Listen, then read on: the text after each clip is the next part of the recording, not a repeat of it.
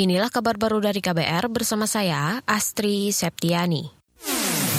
Kabar Pemilu, Kabar Pemilu.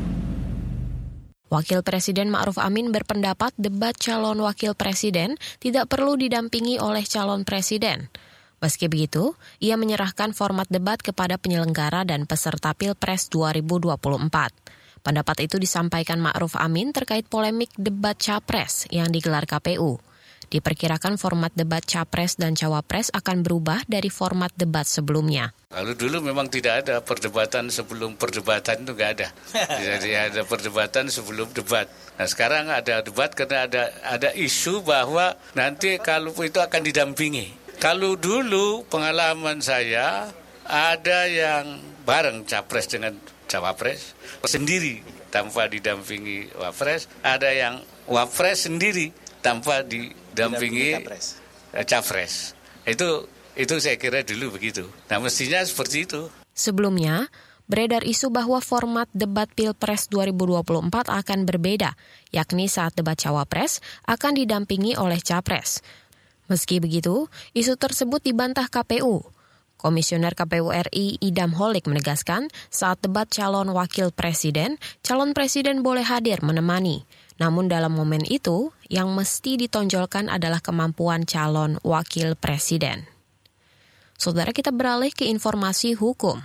Kepolisian akan kembali memeriksa Ketua Nonaktif Komisi Pemberantasan Korupsi KPK Firly Bahuri Rabu esok hari.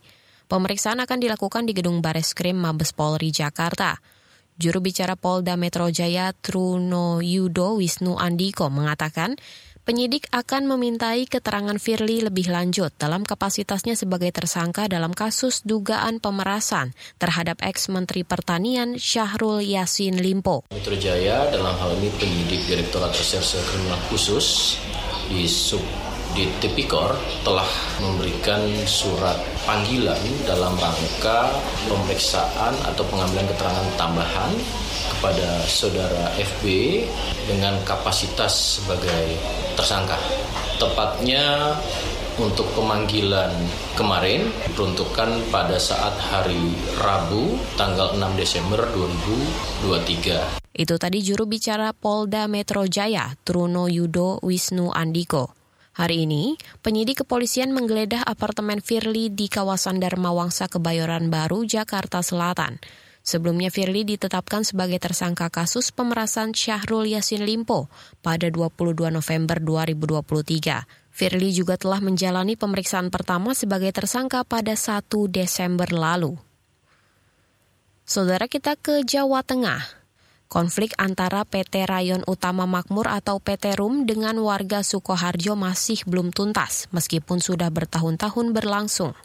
Perwakilan tim advokasi warga Sukoharjo melawan bau busuk atau sumbu, Nasrul mengatakan, fakta persidangan menunjukkan bahwa PT RUM Sukoharjo belum bisa menghilangkan bau busuk yang ditimbulkan oleh limbahnya. Fakta persidangan menyampaikan bahwa PT RUM yang bergerak di industri rayon menyampaikan tidak bisa menghilangkan bau.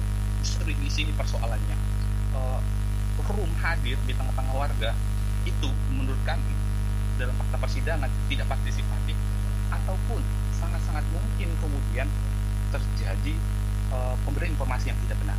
Itu tadi perwakilan tim advokasi Sukoharjo melawan bau busuk Nasrul. Sebelumnya, sidang gugatan kelas action yang dilayangkan 185 warga Sukoharjo terhadap PT Rayon Utama Makmur atau RUM memasuki babak akhir. Pengadilan Negeri atau PN Sukoharjo dijadwalkan menggelar sidang putusan pada 7 Desember mendatang. Inilah kabar baru dari KBR bersama saya, Astri Septiani.